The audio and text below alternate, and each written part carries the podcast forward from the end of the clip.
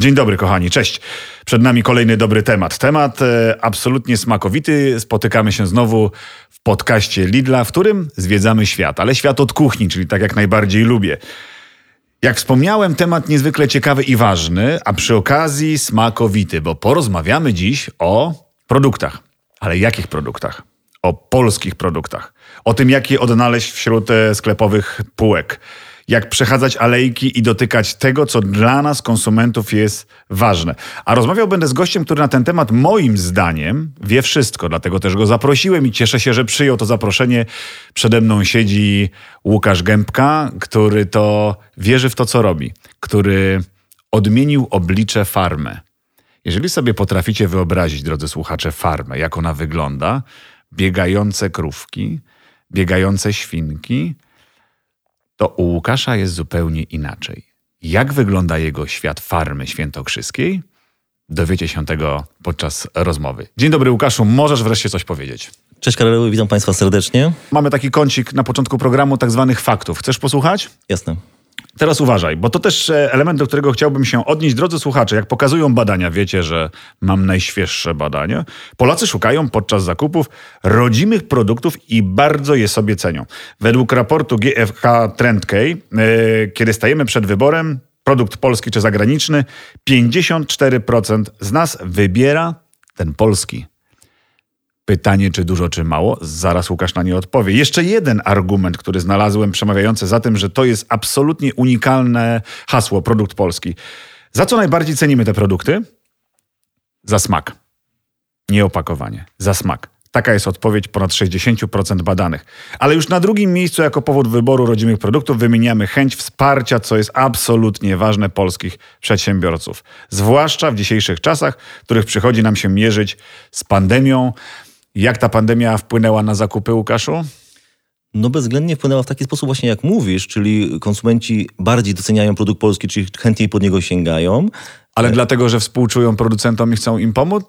Czy jest jakiś inny? Według ciebie, wiesz, ja nie Myśl... mówię o badaniach. Ja chciałbym usłyszeć to od ciebie, producenta, który siedzi w tym się według mnie myślę, że doceniają smak i jakość tego produktu, Aha. ale też chcą pomóc sobie, tak? Bo pomagają, pomagając gospodarce, pomagają poniekąd sobie, prawda? Myślisz, że aż tak świadomie? Jesteśmy takim świadomym społeczeństwem? Myślę, że... Wiesz, że my na ten temat rozmawialiśmy, więc nie możesz oszukać mnie ani słuchaczy, bo ja wiem, co powiedziałeś wcześniej. Jasne. Myślę, że Karolu, wiesz co, tutaj ta świadomość cały czas postępuje, cały czas ewolu ewoluuje i konsumenci są coraz bardziej świadomi. Mhm. Wiadomo, do głosu dochodzą konsumenci młodzi, więc ta świadomość wśród młodych konsumentów jest naprawdę duża mhm.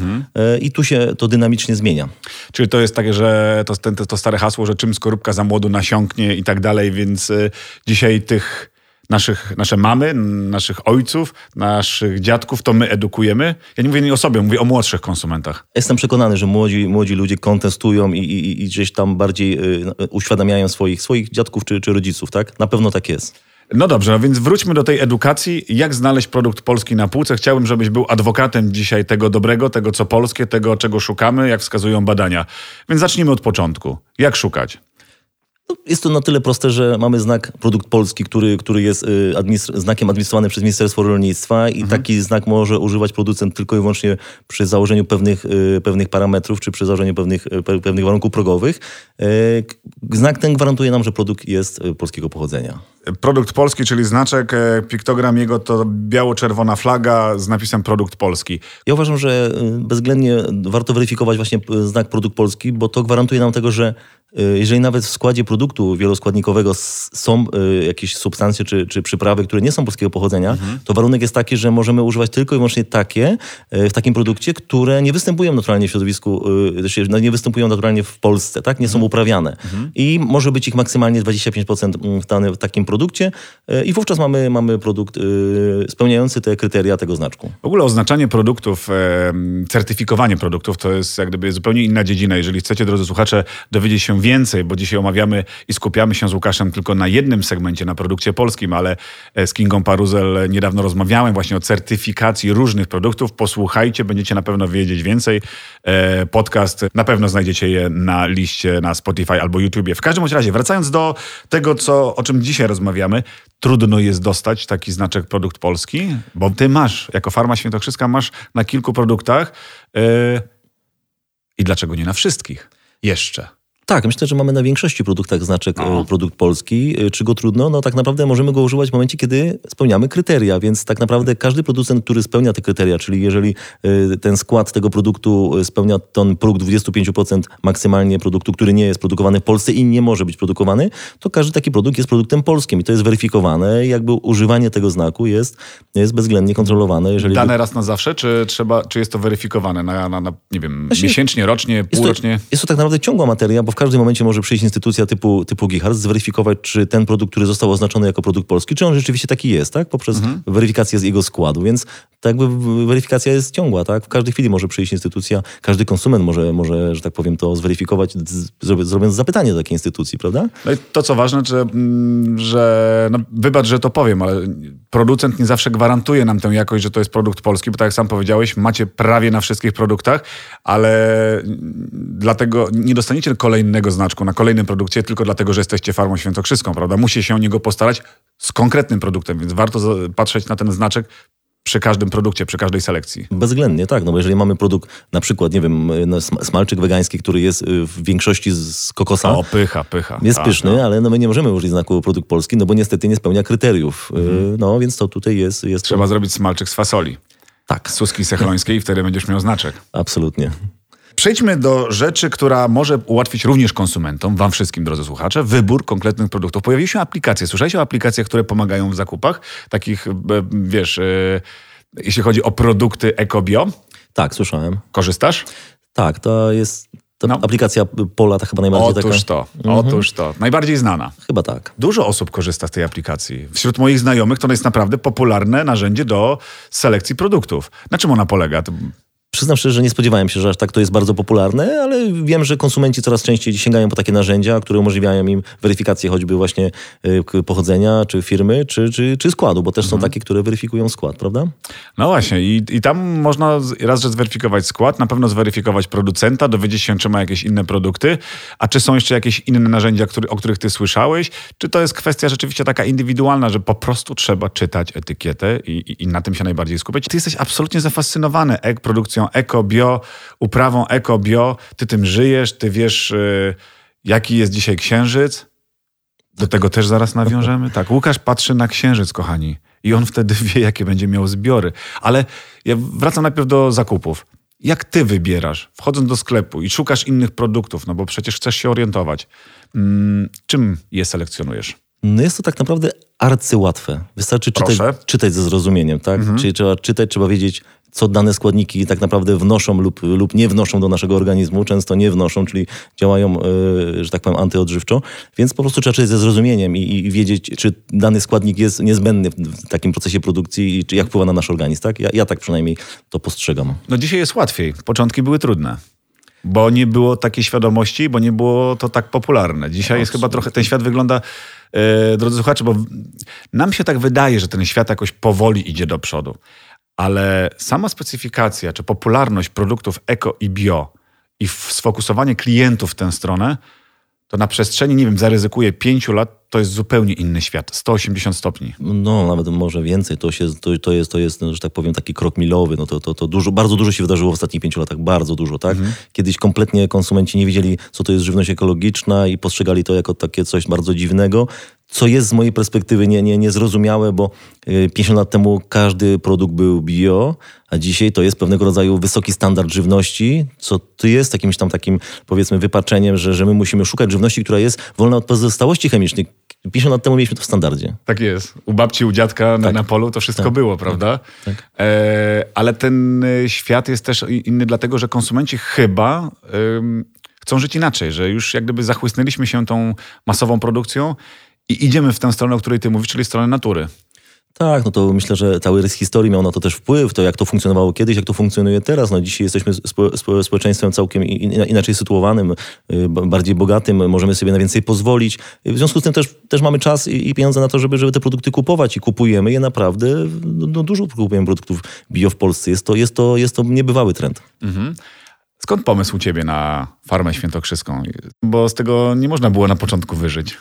Absolutnie nie można było. To był bardziej taki, nazwijmy to konflikt pokoleń, bo, bo mój tato się nie zajmował produkcją. Konflikt pokoleń. Tak to ja nazywam. U mnie zawsze gdzieś tam pociąg był na natury, bo moje pierwsze, pierwsze przygody z naturą to było sadzenie drzew. Ja sadziłem drzewa i sadziłem ich tysiące, jak nie, jak nie, no, no ogromnej ilości drzew sadziłem, sprawiało mi to przyjemność. Ale w którymś tam momencie mojego życia nastąpiła taka sytuacja, że, że mój, mój dziadek zmarł, który zajmował się produkcją i notabene zajmował się taką produkcją, jaką się ja zajmuję teraz, bo on był takim osobą, która y, robiła to całkowicie inaczej niż wszyscy. Był mm. postrzegany jako dziwak, czyli osoba, która nie stosuje tego, co wówczas było promowane, czyli mówimy o pestycydach, mówimy o nawozach sztucznych. On tego nie chciał stosować, robił to inaczej, bawił się tam, kolokwialnie mówiąc, widłami, wyciągał pesz, stosował nawóz naturalny, więc był, był postrzegany jako dziwak wówczas, no bo wszyscy szli za trendem, czyli maksymalizacja mm, zysku, czyli sypanie nawozu, pryskanie, tak, mhm. jak największy plon, e, jak najniższym kosztem, więc ja jakby, nie jakby, tylko dziedzicząc to pole, które tak naprawdę tato przypisał na mnie bezpośrednio po śmierci dziadka, no to miałem możliwość zajmowania się czymś, czymś innym niż, mój, niż moi rodzice. Moi rodzice zajmowali się biznesem, biznesem bardzo dochodowym, Aha. a ja poszłem swoją drogą. E, nie żałuję, bo, bo ta droga była oczywiście długa, była kręta, ale, ale doprowadziła nas do takiego, do takiego miejsca, gdzie możemy swobodnie powiedzieć, że to, co robimy, sprawia nam ogromną satysfakcję. Yy, też patrzył yy, w stronę Księżyca? Powiem szczerze, nie wiem. Nawiązuję do tego, o czym obiecałem, że, że powiemy, a ty się teraz uśmiechasz, ale my mieliśmy, ja rozmawiałem z Łukaszem przed wejściem na antenę, jak on powiedział, że on patrzy w stronę Księżyca i on wie, jakie będą plony, to musielibyście zobaczyć nasze miny. A ty nie żartowałeś. Absolutnie nie. No, księżyc ma ogromne znaczenie w naszym życiu, y, ale w życiu też roślin. Bardzo determinuje zbiory i plony, tak? No to to już wielokrotnie z tobą... Ale proszę, tak, rozmawiaj ze mną, ale proszę, żeby słuchacze usłyszeli, bo, bo mam wrażenie, że nikt nam teraz nie wierzy. Jak się zwiększa, tak fakty, jak się zwiększa produkcja względem fazy księżyca? Możesz powiedzieć? Tak, oczywiście. To nie jest tajemnica. Absolutnie nie. To jest bardzo fajnie widoczne w, w uprawie roślin takich, które się zbiera codziennie lub co drugi dzień. Na przykład? Czyli ogórek cukinia. Okej. Okay bo trudno nam to zaobserwować w momencie uprawy marchewki, która rośnie tam powiedzmy 90-120 w zależności od odmiany dni, tak. ale jeżeli zbieramy ogórka, cukinię, to absolutnie widzimy, że jeżeli jest pełnia, czyli mamy, mamy, mamy że tak powiem, pełnię księżyca, to wówczas zbiory są y, bardzo duże jak zaczyna ubywać księżyca, no to te zbiory spadają, dziesięciokrotnie się zmniejszają. Dziesięciokrotnie mniejsze zbiory? Tak, do, do tego stopnia. Czyli mamy taką sinusoidę, czyli przybywa księżyca, rosną zbiory, ubywa księżyca, maleją. No i są jeszcze inne zmienne, które na to wpływają, czyli temperatura, tak? No bo pokarm, woda, to wszystko musi być, jest, ale temperatura też się zmienia. I czasami jest tak, że, że jeżeli, jeżeli jest y, pełnia, a jest niska temperatura, no to ten pik tego y, wysokiego plonu się spłaszcza, bo temperatura jest determinantem, w przypadku akurat cukinii ogórka bardzo tak. dużym, więc, ale no księżyc jest niebywały, tak? Jeżeli... Wiesz, to jest taka, może być sytuacja kryzysowa. My niby tak patrzymy bezwiednie w stronę, o jaki ładny księżyc, a ty jednak patrzysz z jakimś niepokojem. A czy były jakieś inne momenty w trakcie tej twojej przygody z farmą świętokrzyską, z przygody z EcoBio, kiedy chciałeś, wiesz, jeżeli nie chcesz, to nie przyznawaj się, ale zrezygnować, bo jednak nie szło, bo jednak szło jak po grudzie i, i, i pomimo tego, że ty w to wierzysz i, i wierzą twoi pracownicy, ja ich poznałem, drodzy słuchacze, tego nie będę ukrywał i to są ludzie absolutnie zafascynowani tym, co wy tam robicie, żyjecie w zgodzie rzeczywiście z naturą, ale nie chciało się kiedyś tego rzucić po prostu i zająć się czymś innym? Absolutnie bezwzględnie było momentów zwątpienia bardzo dużo. Praktycznie no, y, przez wiele lat y, zastanawialiśmy się, czy to, co robimy ma sens, czy to, co robimy jest y, potrzebne i tak naprawdę ta konsekwencja, czy, czy ta cierpliwość była, była, miała sens, miało to, miało to przełożenie takie, że dzisiaj dzięki tak naprawdę, no między innymi współpracy z takimi sieciami jak Lidl, ten produkt masowo trafił do konsumenta, więc to jakby był taki, taki impuls dla rynku i to pozwoliło jakby zaspokoić y, tę naszą potrzebę rozprzestrzeniania tej żywności ekologicznej. Mhm. E, I, i, I tak jest, tak? Dzisiaj ta, ta żywność jest popularna e, i dla nas w całym tym procesie okazuje się y, to nie był istotny cel, nie, nie, nie, jest istotny cel jakiś do osiągnięcia. Tak naprawdę dla nas istotna jest ta droga, którą przebywamy. Czyli każdego dnia produkujemy żywność, cieszymy się, że możemy ją produkować i że y, konsumenci oczekują, potrzebują i doceniają y, to, w jaki sposób my to robimy. No Więc właśnie. To jest dla nas. Rozmawialiśmy też o mm, jakości w pewnym momencie. Chciałbym do tej jakości trochę nawiązać i wrócić, bo wspomniałeś o współpracy z Lidlem. My jesteśmy w podcaście Lidla. Więc e, no, z tego, co mówisz, był to element zwrotny, taki kamień milowy na, e, w twojej być może świadomości nawet prowadzenia tego biznesu. Czy to chodziło o to, że potrzebowaliście wy jako firma mm, takiej dźwigni marketingowej, żeby się ludzie o tym dowiedzieli, żeby uwierzyli, żeby ktoś wam duży uwierzył wreszcie? No bo, no bo mm, jak gdyby ta świadomość rzeczywiście była na takim niskim poziomie.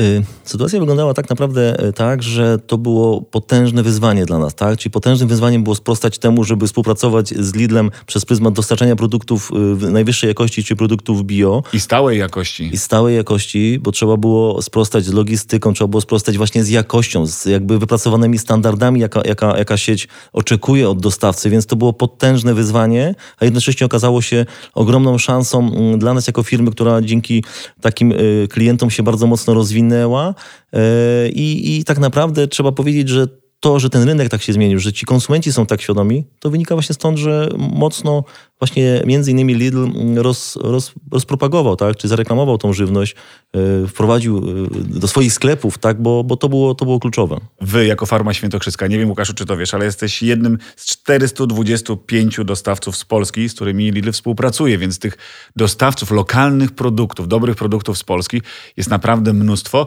No i wy, między innymi ty, E, mówiąc o opłacalności, ponad 70% obrotu Lidla między innymi e, generujesz, bo to jest ten obrót z produktami, z producentami z Polski.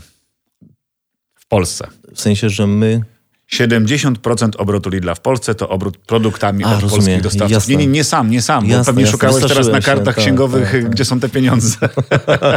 Także nie, nie, nie tylko ty, ale generalnie no, to, to dużo, prawda? Absolutnie. To jest no, ten kierunek. Tak, absolutnie. No, to wskazuje, pokazuje, że, że, że y, sieć Lidl no, stawia na polskich dostawców, że to jest istotne y, dla ich biznesu, mhm. bo, bo, bo zależy na, te, na, na, tym konsumentowi. Więc tak naprawdę spełniamy oczekiwania konsumentów, tak? czyli sprzedajemy produkty polskie. Mhm. Oczekiwania konsumentów konsumentów w stosunku do tej audycji są między innymi takie, że też im wskazujemy konkrety, konkretne, konkretne produkty. Yy, masz chwilę teraz, żeby się pochwalić. Yy, albo swoimi najlepszymi produktami, które są sprawdzone i które zawsze, od zawsze się doskonale sprzedają, albo tymi nowymi, które tworzycie. Więc to jest taki czas reklamowy w tym podcaście, więc jeżeli możesz teraz słuchaczom podpowiedzieć, czego szukać, bo ty to lubisz najbardziej, albo bo konsumenci lubią, to bardzo proszę. Super, dziękuję. No jasna sprawa, że wykorzystam ten czas. Dawaj. Bezwzględnie ja uważam, że produkty, które, które zasługują na szczególną uwagę, są to produkty, e, które są dostępne między innymi w Lidlu. Mianowicie, no taki mój sztandarowy, ulubiony produkt to jest zakwas buraka. Tak. To jest produkt, który po prostu daje taką energię, daje takie zdrowie, daje taką radość. Jest to produkt niepasteryzowany. Uwaga, niepasteryzowany. Tak to jest. naprawdę ciężko spotkać, żeby był produkt niepasteryzowany, mm, kiszony. E, dzięki temu mamy bakterie kwasu mlekowego, dzięki temu mamy wszystkie właściwe związki, witaminy niezmienione, tak? Bo... Tak jakbyście wyciągnęli z beczki sok z kapusty kiedyś u babci, o czym mówiliśmy, że był za darmo na wyciągnięcie ręki, tak dzisiaj wy dostarczacie ten zakwas z buraków. Tak, i to jest produkt naturalny, znakomicie 100% natury. Tak, znakomicie sprzedający się. Jest to produkt ekologiczny, jest to produkt niepasteryzowany, jest to produkt, który no, spełnia wszelkie oczekiwania bardzo wymagającego konsumenta. Mhm. Oczywiście są też produkty mm, w Lidlu typu y, ogórek kiszony czy kapusta kiszona też niepasteryzowane. No uwaga, no to, to, to jest bardzo istotne, e, jedno, jednocześnie trudne, bo i logistyka, i chłodzenie i tak dalej, i tak dalej, bo ten produkt musi być troszeczkę inaczej przechowywany. Nie postawimy go na półce w temperaturze 25 stopni. No bo, bo wystrzeli. Wystrzeli, prze, przefermentuje i jakby no, tak nie będzie tego, co, czego, to, czego oczekujemy. Wówczas. Wspomniałeś o takich produktach, e, monoproduktach, ale robicie też jak gdyby dużo produktów mm, przetworzonych, paszteciki, bigosy wegańskie, bo ty też jesteś fanatykiem kuchni bezmięsnej i, i o tym też chciałbym powiedzieć, porozmawiać, bo stąd się też wzięła fascynacja tymi charakterystycznymi produktami. Z tych produktów jakbyś mógł wybrać trzy najlepsze do zareklamowania, do podpowiedzi konsumentów. No to będzie wiadomo subiektywne. Dla mnie takimi produktami trzema najlepiej, naj, najlepszymi smakowo u nas produk produkowanymi no to jest y, tażin, mhm. y, jest to bigos wegański i jest to kapusta z grochem. I tego należy szukać. Tak. Moi drodzy, więc jeżeli chcielibyście posmakować trochę farmy świętokrzyskiej, posmakować farmy innej, to tych produktów możecie sobie cofnąć, odsłuchać jeszcze raz, e, ale zawsze warto te kiszonki Niepasteryzowane kiszonki to jest coś, na co należy zwrócić uwagę. Mm. Dlaczego ten produkt polski, o którym dzisiaj tak rozmawiamy, według Ciebie z obserwacji, jest chętnie wybierany przez, czy to przez Polaków? Czy to chodzi rzeczywiście li tylko o chęć pomocy, współczucia polskim producentom? Rozmawialiśmy o tej jakości. Ja zawsze powtarzam, że jakość się obroni. A Ty mówisz? Tak, tak, ale jakość, ale i marketing musi być przy tym. Czy ten produkt już ma tak dobrą reklamę, że nie boimy się go, że wreszcie w niego uwierzyliśmy? Czy to chodzi tylko o to współczucie, o którym mówiłem? Ja myślę, że y, Polacy mieli zawsze zaufanie do produktów żywnościowych polskich, mhm. czego nie można byłoby powiedzieć o innych produktach, nie wiem, samochodów, których nie mamy, czy jakichś e, urządzeniach RTV. Tu, tu bywało różnie, a jeżeli chodzi o żywność, zawsze ceniliśmy żywność mhm. naszą rodzimą, e, myślę. Teraz jeszcze bardziej, e, z związku na, na, różne okoliczności. Cenimy to, że ten produkt jest produkowany na naszej ziemi, że nie, nie jest transportowany zbędnie, czyli nie traci tych składników właściwości odżywczych podczas transportu. Myślę, że Polacy to coraz bardziej doceniają doceniają i ja jeszcze chciałbym jedną odpowiedź od ciebie uzyskać. Czy to już jest ten rozwój, o który nam chodzi, o który wam chodzi producentom? Znasz przecież innych też producentów, rozmawiacie o tym. Czy ta świadomość konsumencka już jest y, wysycona i teraz tylko po waszej stronie stoi, leży piłeczka, żeby zrobić kolejne produkty i zachęcać? Czy jeszcze coś trzeba zrozumieć, żeby ta świadomość nasza była, mówię o konsumentach, o mnie chociażby, większa w temacie produktów bio i eko? Czy my ciągle czegoś jeszcze nie rozumiemy? Myślę, że jeszcze wiele nie rozumiemy. Niestety jest ogromna praca do wykonania. Mówię generalnie, bo, bo jakby ilość osób świadomych jest z każdego roku coraz większa, ale generalnie jako, jako całe społeczeństwo cały czas mamy świadomość nie, nie, niewystarczającą. Choćby nawet to, że produkt polski nie zawsze jest ekologiczny. E, e, produkt ekologiczny nie zawsze jest polski. To są dwie, dwie różne rzeczy, mhm. czy dwie różne kwestie. Ja uważam, że zawsze warto wybierać produkty polskie, ekologiczne, e, ale trzeba mieć wiedzę, o co chodzi tak naprawdę w tym produkcie ekologicznym, bo dużo osób myśli, że jeżeli jest polski, to, to on już jest ekologiczny. Tak? tak no, no tak, nie. Z może z punktu widzenia środowiskowego i, i, śladu węglowego być może tak, ale z punktu widzenia jakby samej jakości, no to, to, to różnie, różnie z tym jest. Oczywiście no, produkt ekologiczny polski to jest to, czego sobie życzymy. Mhm. A czy to jest też tak, że ciągle pokutują jakieś błędy z przeszłości, jeśli chodzi o produkcję mm, eko i bio, bo, bo też na nie chciałbym się skupić. Wspomniałeś o tym, że to nie zawsze idzie w parze z produktem polskim. Ten produkt polski na razie odłóżmy. Jakie błędy jeszcze pokutują z przeszłości dzisiaj w przekazie w stosunku do konsumentów, jeżeli mówimy o produkcji eko i bio? Gdzie jeszcze jest coś do zrobienia? Gdzie jest coś do wyjaśnienia? Bo też jest, jest to moment, w którym możemy to wyjaśnić. To znaczy się, mi się wydaje, że tak naprawdę przez wiele lat było zaniechane e, edukacja w kierunku e, tego, jak się produkuje i jak warto i jak trzeba produkować. Ja uważam, że mo mocno, e, to jest moje zdanie, że mocno po macoszemu jest traktowane rolnictwo jako takie generalnie, że to jest tak strategiczna część naszej gospodarki, jakże ważna z punktu widzenia bezpieczeństwa samego żywnościowego, ale też bezpieczeństwa zdrowia. No. I tu jest duża praca, czyli cały czas jest potrzebna komunikacja, edukacja e, i rolnicy tak naprawdę powinni też być mocno edukowani, tak? I wiedzieć, że tak naprawdę to, co oni robią, ma przełożenie na, na wiele milionów ludzi, e, na ich zdrowie, na, na ich życie. I, i, I, myślę, że powinni traktować to jako misję. Żeby mogli traktować to jako misję, jest potrzebne jakaś takie poczucie bezpieczeństwa, bo wiadomo, no, ktoś prowadzi gospodarstwo, chce też zarabiać. Oczywiście, ale jeżeli, no, to musi iść w no, parze. No, no jasna sprawa, nie robi tego dla idei, ale dobrze by było, żeby on był na tyle bezpieczny, żeby nie musiał bezwzględnie zarabiać, tak? Czyli bezwzględnie skupiam się tylko na zysku, tylko jest misja, produkujemy żywność, która ma nas żywić, ma nas odżywiać, ma nam dawać zdrowie, ma nam dawać wartości odżywcze e, i, i przy okazji powinniśmy w miarę stabilnie zarabiać, bo to jest strategiczne z punktu widzenia zdrowia całego społeczeństwa. Zdrowia no, psychicznego jakie... między innymi. Przecież tak. Pandemia to udowodniła doskonale, ale dotknąłeś tematu e, kosztów, zarabiania, czy też e, zysków potencjalnych, jeśli chodzi o produkcję. Eko, bio, produkt polski, to możemy wziąć na przykład w jeden woreczek teraz i jeszcze jeden element przyszedł mi od razu do głowy. Te różnice produktach eko-bio versus konwencjonalnie przygotowywane, e, one dzisiaj się mocno zacierają. Kiedyś to, ta cena produktu eko-bio była jednym z elementów, który determinował no, pewnie mniejszy obrót tym produktem, prawda? Bo on był droższy. E, z czego to wynikało wtedy i dlaczego tak się stało, że dzisiaj na niektórych produktach możemy zauważyć, że no to już nie jest taka przepaść pomiędzy tym eko-bio a nie bio. No przede wszystkim skala produkcji jest, jest większa, mhm. E, czyli logistyka, wszystkie inne koszty pośrednie się zmniejszają. E, to bezwzględny czynnik na to, że te, że te produkty są ba bardziej dostępne. E, ja uważam, że też ulepszanie sposobu produkcji, tak? czyli zastosowanie rozwiązań, które pozwalają nam w sposób bardziej ekonomiczny produkować, produkować taką żywność, czyli na, na przykład ograniczenie zachwaszczenia w sposób, nie wiem, mechaniczny, czyli precyzyjne okay. pielniki. Bo czy... wiesz dlaczego o tym mówię, Łukaszu? Bo my często w to nie chcemy uwierzyć. Że skoro, bo, bo, bo to jest ta, ta, ta, ta przeszłość, to jest to, co pokutuje dzisiaj. Kiedyś były duże różnice. A dzisiaj, jak widzę, wspomniałeś też podczas rozmowy poza, poza studiem, że fasolka szparagowa, że ona może kosztować dokładnie tyle samo, ta bio i ta nie bio. No i teraz konsument, który podchodzi i widzi dwie fasolki szparagowe, mówi, no nie no, ale całe życie mi mówili, że produkcja bio i eko jest droższa. Tak, no tutaj absolutnie dobry przykład, dlatego że fasolka szparagowa to jest taka roślina, która bardzo szybko, jeśli mm, ma krótki okres wegetacji, tak? Bo 85 tak. dni ona już mamy praktycznie plon i dzięki temu możemy zastosować odchwaszczanie mechaniczne i ewentualnie jedno odchwaszczanie ręczne lub nawet, jeżeli dobrze zastosujemy agrotechnikę, to powiedzmy, że nawet nie musimy tego ręcznie robić, w związku z tym ograniczamy koszty, a, a ostatecznie e, proces zbierania jest e, fasolki szparagowej na świeży rynek jest ręczny, więc koszty są e, porównywalne, czy w konwencjonalnym, czy w ekologicznym gospodarstwie. I to jest taki przykład, który pokazuje, że, że te produkty ekologiczne, one nie muszą być e, dużo droższe, one mogą być nawet w podobnej cenie, tak jak powiedziałeś, tak. do tych konwencjonalnych, e, ale zazwyczaj jest to jakiś tam procent e, większy, większy koszt, w związku z tym też większa cena na półce, tak? Mhm. Czyli same środki produkcji, odżywianie gleby, tak? Dodawanie tych składników pokarmowych. One Praca ludzka, która praca jest ludzka, tak, tak. dużym czynnikiem, dużym kosztem. Dużym czynnikiem, wiadomo, to się ogranicza, to się, to się optymalizuje i, i gdzieś tam skalowanie całego przedsięwzięcia, tej produkcji rolnej, pierwotnej też przetwarzania Y, pozwala nam y, na to, żeby ograniczać koszty i na to, żeby ta cena ostatecznie była, była y, atrakcyjniejsza dla konsumenta i tak się właśnie dzieje. Łukasz, rozmawialiśmy pierwszy raz kilka lat temu, realizując jeden z programów. E, twoje wtedy przypuszczenia brzmiały rzeczywiście jak pewne wizje, w które przyznam się dzisiaj e, trudno było uwierzyć. One się sprawdziły. Więc jako wizjonera cię dzisiaj traktuję i chciałbym usłyszeć, co prognozujesz e, na przyszłość.